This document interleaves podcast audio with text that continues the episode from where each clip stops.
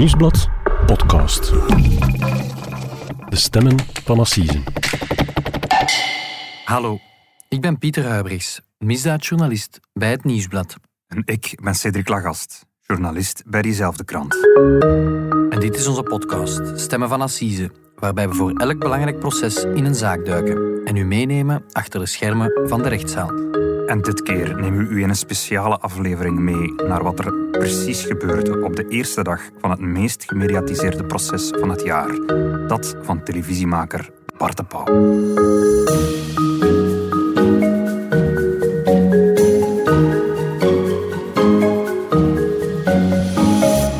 Dag Pieter. Dag Cedric, goedenavond. Pieter, uh, het is woensdagavond. Het klokje tikt langzaam richting middernacht, Mm moeten we toegeven. Um, en ik ben blij dat je hier toch nog op de redactie bent geraakt. Want uh, jij, bent de, jij hebt de dag doorgebracht in de Mechelse rechtbank. Vandaag stond alles in het teken van het proces. Bart de Pauw zei onze hoofdredacteur daarnet nog. En dat was ook zo. Ik denk dat je um, extreem veel moeite vandaag hebt moeten doen om, om niet te weten te komen dat het vandaag de eerste procesdag van Bart de Pauw was. Het mm -hmm. was echt werkelijk overal. Um, jij bent daar de hele dag naartoe geweest. Je hebt de hele dag die rechtszaak gevolgd. Um, er mogen geen camera's in die rechtszaal. Er werden geen camera's toegelaten in die rechtszaal. Maar jij was er wel. Begin eens, vertel ons eens. Hoe ziet die rechtszaal er van binnenuit? Hoe, hoe is die eigenlijk op, opgesteld? Wie zit waar? Um, hoe, zag het daar van binnen? -hmm. Er zijn eigenlijk twee zalen. Dus een, een, achterzaaltje waar een hele hoop journalisten zaten. En dan per mediagroep uh, één journalist in de zaal. Um, en, en ja, de zaal waar het echte proces dus plaatsvindt. En dicht op elkaar eigenlijk helemaal. Uh, je, hebt de grif, je hebt de griffier die rechts zit, je hebt links het uh, Openbaar Ministerie. En van voor in het midden zit de rechter uiteraard. Absoluut, ja. En dan, en dan vooraan op de beklaagde bank helemaal alleen uh, Bart de Pauw. Mm -hmm. En toch wel een speciaal beeld. En, dan achter... en die zit daar alleen of met zijn advocaten? Wel, zijn twee advocaten, Michael Verhagen en John Maas, die zitten achter hem. Mm -hmm. uh, bijvoorbeeld maar zijn familie, zijn vrouw, die, die Ines de Vos, die was er bijvoorbeeld niet. En dan achter die advocaten had je een soort van rij, een, een soort van omsingeling zelfs van, van alle vermeende slachtoffers, alle, alle vrouwen die zich burgerlijke partij hebben gesteld. Ah ja, die zitten achter hem. Ja, Want normaal is... zit de, de, de, de beklaagde rechts en, en, en de burgerlijke partij links, maar dit keer niet. Nee, het is zo, er zijn natuurlijk veel verschillende burgerpartijen en je moet die in die kleine correctionele zaal uh, zetten. En die zaten eigenlijk een soort ja, in een soort halve cirkel, een beetje rond hem precies. Uh, wat toch wel een opvallend beeld gaf. Hè? De, de, de, de eenzame Bart de Pauw en dan de, ver, de vermeende slachtoffers achter hen. En opvallend, Cedric, zij, zij werden geflankeerd door, door, door, door hun partner. Sommigen hadden hun lief bij, anderen hadden hun moeder bij. Enfin, iedereen had wel iemand bij om hen te steunen eigenlijk tijdens die ja, extreem beladen procesdag. En, en wat mij nog is opgevallen op, op de beelden die we vandaag gezien hebben, is dat ze allemaal een mondmasker droegen. Mm -hmm. Ja, opvallend detail. Um, we hadden het eerst niet door, want ja, het is natuurlijk, hè, mensen dragen soms nog een mondmasker. Mm -hmm. Maar in de zaal liet iedereen zijn mondmasker uit. En opvallend, die, die vrouwen, die dames, uh, zoals uh, Christine Mussen ze altijd omschrijft, mm -hmm. die deden dat niet. En ik heb me geïnformeerd en dat bleek eigenlijk toch ook een soort van statement. Zo van, kijk, we gaan onze emoties hier niet laten zien aan, aan, aan beklaagde Bart de Pauw. Ja, daar zat, daar zat echt een, een boodschap in. Dat is er zeker uh, symboliek achter, ja. Oké, okay, je was daar niet alleen. Onze collega uh, Annelies Rutten was er ook. En, en zij heeft een stuk geschreven waarin dat ze onder meer vertelde, waarin ik onthouden, onthouden heb, dat, dat Bart de Pauw oogcontact met hen zocht. Maar, maar dat zij daar niet echt op ingingen. Ja, je, je moet weten, Bart de Pauw en zijn advocaten kwamen langs de, langs de hoofdingang binnen. -hmm. uh, de, de vrouwen zelf, dus met hun, met hun geliefden... Uh, die kwamen langs de zijingang in binnen. Dus ja, Bart de Pauw die keek natuurlijk van wie komt er hier allemaal toe. Um, en, en, je merkte wel dat hij af en toe, hij keek meestal eigenlijk recht voor hem, hè, naar de rechter. En, en wat later, naarmate de dag vorderde, naar de grond. Maar, maar hij, hij, probeerde zo hier en daar wat contact te zoeken. Want ja, je moet vergeten, niet vergeten, Cedric. Het zijn collega's geweest. Ja, het zijn collega's geweest. Met sommigen die zijn goed bevriend geweest. Hij heeft die jarenlang niet meer in het echt gezien. Die hebben over hem getuigd. Ja, en voor het eerst in jaren is er die, die fysieke confrontatie. En je moet weten, die, die Mechelse rechtszaal is niet gigantisch groot. Dus je zit daar eigenlijk op een paar meter van elkaar. En dat zorgt natuurlijk voor een beladen, beladen sfeer. Ja. Um, en af en toe keek hij dus, uh, ja, probeerde hij zo'n beetje oogcontact te halen. Maar, maar ja, de, de, de vrouwen hapten niet toe. Nee. Je had het in onze eerdere podcast al aangekondigd. Het zou vandaag een dag van tandenbijten worden voor, voor Bart de Pauw. Want op dag één kwam de burgerlijke partij aan het woord. Dat zijn mm -hmm. de advocaten van die, van die dames. En uh, heeft eigenlijk de hele dag moeten luisteren. Heeft niks mogen zeggen. Heeft vooral moeten aanhoren hoe zijn slachtoffers vertelden hoe, dat hij door hem behandeld werd. Ja, en hij had het eigenlijk zelf aangegeven. Het was een opvallende quote van hem bij het betreden van de rechtszaal. Eh, ze vroegen hem, eh, bent u klaar voor het proces, meneer De Pauw? En hij zei, ja, ja, ergens kijk ik er naar uit, maar het zal bruut worden vandaag. Op een heel opvallende zin. En dat is het ook wel, uh, dat is het ook wel geworden. Um, ja, het is eigenlijk een hele dag geweest van ja, urenlange, heel belastende getuigenissen voor hem. Er is eigenlijk amper iets lovend over hem gezegd. Nee, er waren zeven dames aanwezig, maar het zijn vooral hun advocaten, Christine Mussen en Anne-Sophie Raas, die uh, het woord hebben genomen. Mm um, ze overliepen eigenlijk zo'n beetje chronologisch wat er de afgelopen 15 jaar gebeurd is. Eigenlijk een klein beetje wat wij in onze vorige podcast ook gedaan hebben. En, en, en ze vertelden daarbij vooral dat er een, een, een, altijd een vast scenario zich afspeelde. Dat Bart de Pauw eigenlijk altijd het, het, hetzelfde deed. Hoe dat hij eigenlijk van actrice naar actrice fladderde. En dat dat altijd hetzelfde scenario was dat zich afspeelde.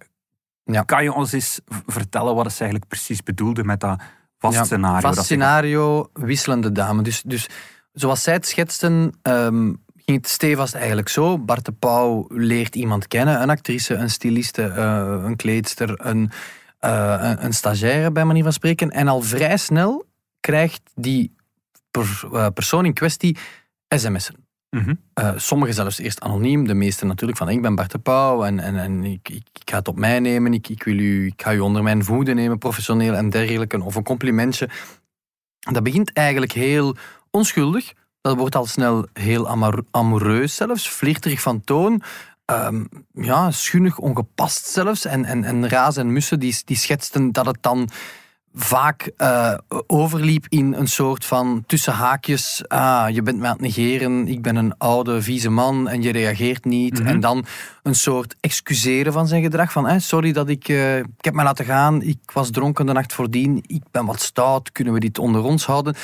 Dan weer gevolgd door ja, um, nog meer negatie. En, en, en, en ja, eigenlijk finaal toch een soort seksueel getinte sms. Zo. Ook al gaven die dames dan volgens Mussen en Raas aan van ja, we zijn hier eigenlijk niet meer ge, gediend. Kan dit stoppen, AUB? Maar hij bouwde daar naar op. Hij, hij werkte daar doelbewust naartoe. Het is niet dat, dat, dat er een spontaan gesprek ontstond en dat het dan daarop uitdraaide. Ja, hoewel hij natuurlijk wel eigenlijk aangaf alsof dat die vrouwen eigenlijk de uitverkorenen waren. Hè? Dat zij de enige waren waarmee hij dat deed. Hè? Je bent de enige stagiaire waarmee ik hier die stoute berichten stuur. En dergelijke, ja, dat bleek helemaal niet te kloppen. Dat patroon, en dat is toch wel heel opvallend, dat komt eigenlijk terug van 2004 tot en met 2017, op, manier, op, op het moment dat die bom eigenlijk barst. En, en ja, er zijn een stuk of tien vrouwen die zich ongelooflijk herkenden in dat patroon. In, in dat patroon. En, en die advocaten hadden het ook altijd over zijn machtspositie. Hij deed dat niet zomaar, er was altijd een machtsverhouding. Ja, zij sprak van de afhankelijkheidsrelatie. Bart de Pauw was de producer, de regisseur, de werkgever. Hij was de baas eigenlijk, dus hij had een zekere macht. Uh, opvallend bijvoorbeeld was, en de procureur citeerde daaruit, op een gegeven moment is er een telefoongesprek als de bom al gebarsten is tussen Bart de Pauw en, en tv-kok Jeroen Meus, de man die hem als presentator opvolgt in uh, 2 tot de zesde macht, denk ik. Mm -hmm. En, en ze bellen met elkaar en Bart de Pauw zegt, ja maar ja Jeroen, ik heb toch helemaal geen macht. En, en Jeroen Meus corrigeert hem en zegt, ja Bart, je mag dat niet onderschatten hoeveel macht dat je had. Hoeveel aanzien dat je had. Het was, in, ja, het was niet evident. Bart de Pauw was de, was de vedette van de zondagavond, de tv-ster. En de vermeende slachtoffers waren heel jong. En dan zo'n stortvloed aan berichten krijgen, ja, Ah, wanneer uw baas dat stuurt, dat, ja, moet u dat proberen in te beelden. Uh... Het is moeilijk om daar niet op in te gaan. Of, ja. of om die kordaat de wacht aan te zeggen. Wel, en Musse, Musse citeerde de onderzoeksrechter die ik stevast vroeg aan, aan, aan, aan, ook aan Bart de Pauw, was het dan... Um, nee, aan die vrouwen liever van... Nee, aan Bart de Pauw, sorry, ik vergis mij van... Ja, hoe waren die vrouwen die je aanstuurden eigenlijk in de mogelijkheid om daar eigenlijk niet heel beleefd of positief initieel op te reageren. Want jij was hun baas, jij was hun regisseur. Ja, en de vraag stellen is ze bijna beantwoorden. Hè. Heel veel getuigenissen van uh, uh, woensdag passeerde de revue, waarin zeiden van ja, je gaat daar een beetje in mee, want het is nu eenmaal je baas of je werkgever of de leuke regisseur. Er werd in de rechtszaal ook twee keer naar een artikel uit het Nieuwsblad verwezen. En één van die artikels dat ging daar ook over. Dat ging over een, een interview met Tom Leenaert, Mhm. jarenlang de wapenbroeder van, van Bart de Pauw. Ja, zijn beste vriend En die, ver- die vertelde in een interview met, met het Nieuwsblad dat ehm, flirten met een stagiair, dat ga ik nooit doen, dat is een, een grens te ver. Vol- Volgens Christine Mussen was dat de kern van het hele dossier, denk ik. Ja, en dat is wel opvallend en eigenlijk ook wel een beetje pijnlijk. Want ja, Schalkse Ruiders, boezemvrienden en dat net dan Tom Leenaert, die zich in de nasleep van MeToo uitlaat over, over die machtsverhouding. Ehm, dat net die citaten ook door de procureur nog eens later geciteerd worden, is een beetje pijnlijk natuurlijk voor, voor Bart de Pauw. En, en hij zei van... ehm, eh, wat hij zei was van, ja, kijk, mij zal dat niet overkomen, want ik ben, ik ben de baas. Als, als ik met een stagiair zou flirten, ja, dan zou ik eigenlijk hopen dat ze mij een pets in het gezicht geeft, want het is eigenlijk voorbij de vieze grens gaan. En het, het tweede artikel van het Nieuwsblad, als we het dan toch over onze krant hebben, dat ging over een interview met, eh, met eh, Ella June Gerard. En dat zou zelfs de aanleiding geweest zijn voor de hele affaire, onthulde Christine Mussen. Ja, dat wist ik eigenlijk ook niet. Ik op niemand op onze redactie eigenlijk. Maar Nee. we moeten dan eigenlijk terug naar oktober 2017. Dat is de maand voor Bart de Pauw zijn bewuste filmpje neemt. De hele MeToo-golf raast, Harvey Weinstein en dergelijke. Hè, dat waait over van de Atlantische Oceaan naar hier. En uiteraard, er gaan geruchten rond. Eh, journalisten bellen naar van, kijk, ja, hoe zit dat hier met MeToo in de cultuursector, in de mediasector en dergelijke. De naam van Bart de Pauw gonst. En Ella June Horaar geeft samen met nog een andere actrice een, een, een, een, opvallend interview. En onze collega Cedric Maas was dat toen. Inderdaad, ja. En, en zij schetst een beetje dat, dat patroon van... Hè, ik, heb, ik heb ooit een regisseur gehoord. Ehm, gaat die mij sms'en sturen? Er is een regisseur geweest die naar mijn borsten staarde en dergelijke. Maar ze noemde die niet bij naam. Ze noemden hem niet bij naam, maar het is natuurlijk eh, later eh klaar als pompwater gebleken dat ze het eigenlijk deels toch ook minstens op Bart de Pauw doelden. En als ik het goed begrepen heb, Maaike Kafmeijer, ze las dat interview. Ze las die woorden, ze had er onmiddellijk door dat het over Bart de Pauw ging. En ze herinnerde zich ook nog dat ze Jean Gerard huilend had gezien in een lobby. Voilà, dan moeten we een jaar terug in de tijd. 2016, iets Showtime. Zij ziet daar eh, maar, ehm, Ella met haar beste vriendin die daarover bezig zijn. Zij, zij, zij is totaal van slag en dergelijke. En zij leest dan natuurlijk ook dat krantenartikel het jaar nadien. En zij zegt van, kijk, ik heb hetzelfde meegemaakt in 2004 tijdens het geslachte pauw. Ze verbindt de puntjes en ze stapt op dat moment met het interview uit het nieuwsblad naar de top van de VRT. En de bal gaat aan het rollen. Inderdaad.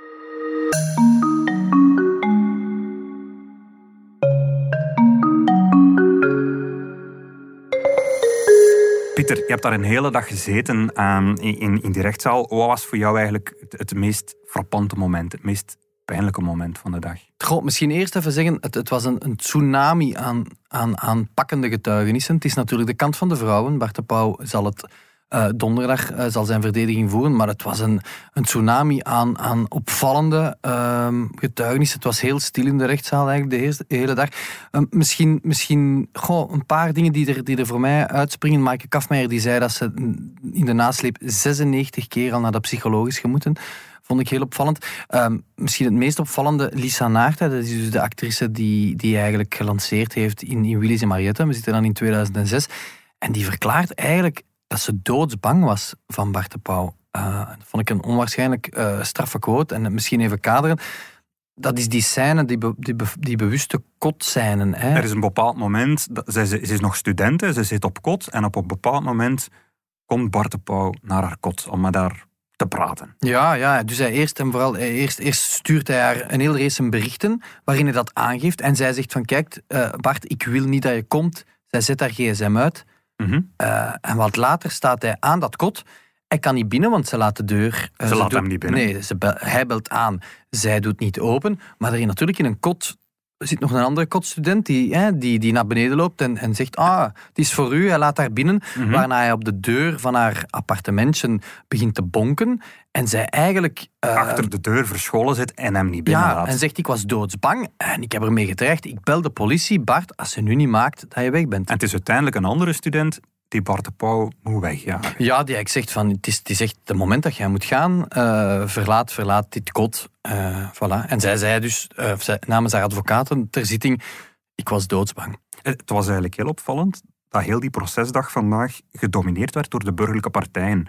Om, om dat een beetje te kaderen, meestal draait zo'n proces rond de spanning tussen de openbare aanklager en de advocaten van de verdediging. De openbare aanklager die, die klaagt aan, die, die, die beschuldigt iemand van iets en dan is het aan de advocaten van de verdediging om dat te weerleggen. En de burgerlijke partijen, de slachtoffers, die hebben eigenlijk maar een heel kleine rol op zo'n proces. Die hebben een, een beetje een bijrol. Maar vandaag draaide heel die procesdag echt om de slachtoffers. Urenlang is het daarover gegaan. Dus die negen burgerlijke partijen die die een getuigenis hebben gehoord, Daarnaast waren er ook nog vier benadeelde partijen. Dat is even te kaderen, dat, die hebben een juridisch statuut van slachtoffer verworven. Hè, dus die, die, die komen niet naar buiten, die treden niet uit de anonimiteit, maar het is het gerecht dat op eigen initiatief heeft geoordeeld na onderzoek dat zij ook slachtoffer van stalking en digitale overlast zijn van Bart de Pauw.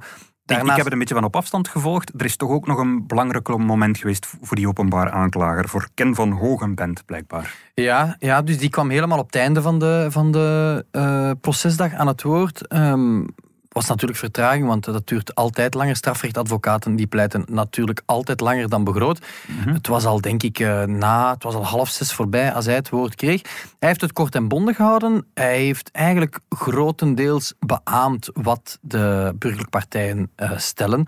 Hij noemde hem een zielige man, een man die hunkert naar aandacht bij jonge vrouwen en het moeilijk heeft met ouder worden. Ja, dat is misschien toch wel, ja, misschien wel de quote van de dag. Hè. Het, is, uh, het is ook de titel van mijn krantenstuk. Um, ja, dat is, dat is, dat is, dat is hard natuurlijk voor Bart de Pauw. En, en ja, voor hem is het bewezen dat, dat Bart de Pauw een soort seriestalker is, wat Christine Mussen al poneerde.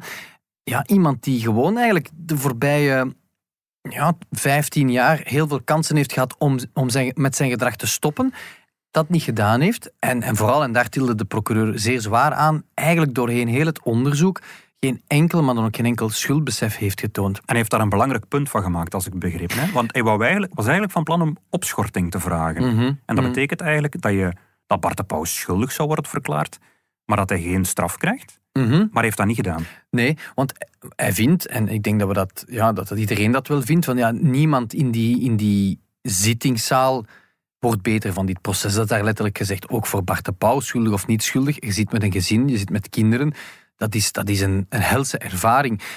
En, en die procureur zegt van, kijk, ja, voor mij moet Bart de Pauw, is hij schuldig voor alle duidelijkheid, maar moet hij niet naar de gevangenis, dat is niet zijn plaats.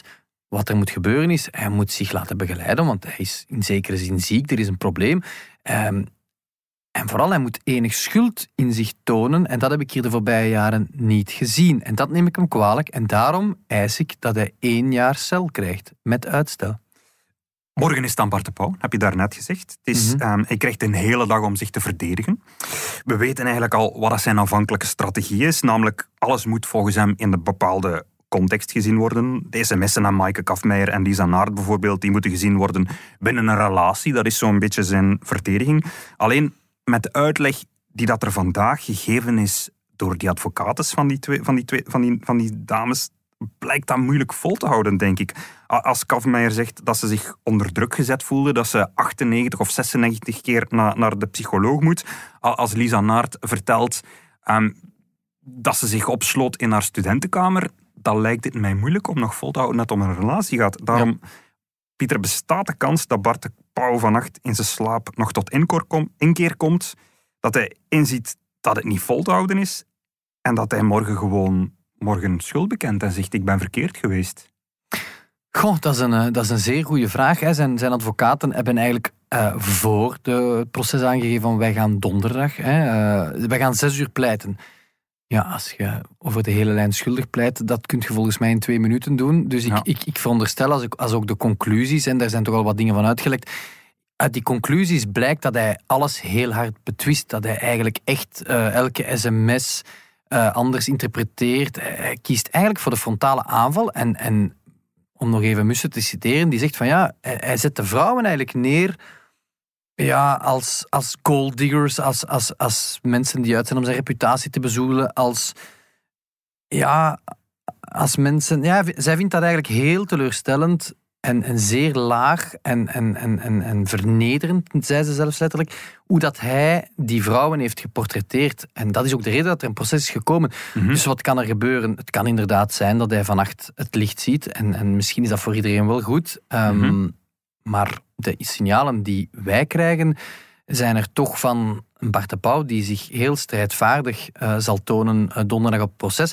Al moet ik er wel bij zeggen, ik denk wel dat hij, dat hij vandaag een, een mokerslag heeft gekregen. Heb je hem nog gezien, heb, heb je hem zien veranderen tijdens het proces eigenlijk? Wel, hij kwam, hij kwam denk ik wel zelfzeker binnen. Hij zei ook wel eerlijk van, ja, kijk er, ja, kijk er ergens naar uit, maar ergens zal ik ook wel heel blij zijn dat het voorbij is. Dat kan ik me ook wel voorstellen als er een hele dag negatieve verhalen over u publiekelijk worden gemaakt, die dan ook nog een keer op websites verschijnen en dergelijke.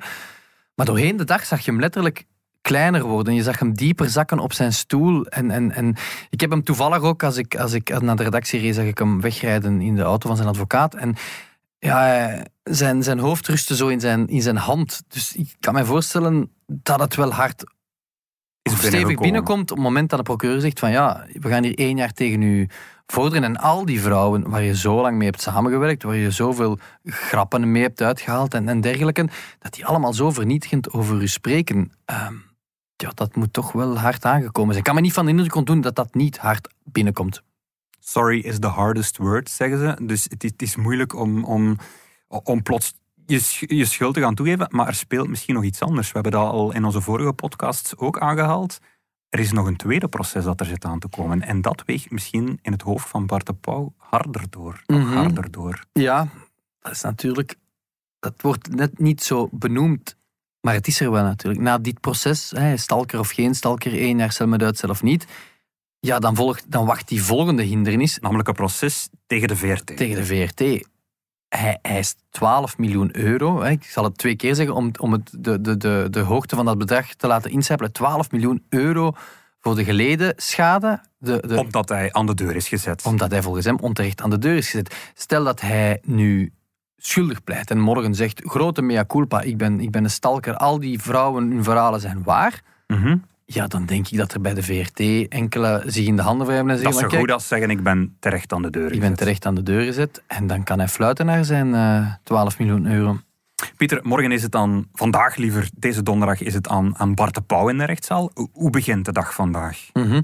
Eerst wacht hem nog een, nog, een, nog een moeilijke horde, want de rechter gaat eerst op de ochtend, als de zitting start, de vermeende slachtoffers de micro geven. Zij die willen, kunnen, nog een, een, kunnen zelf ook nog een getuigenis brengen.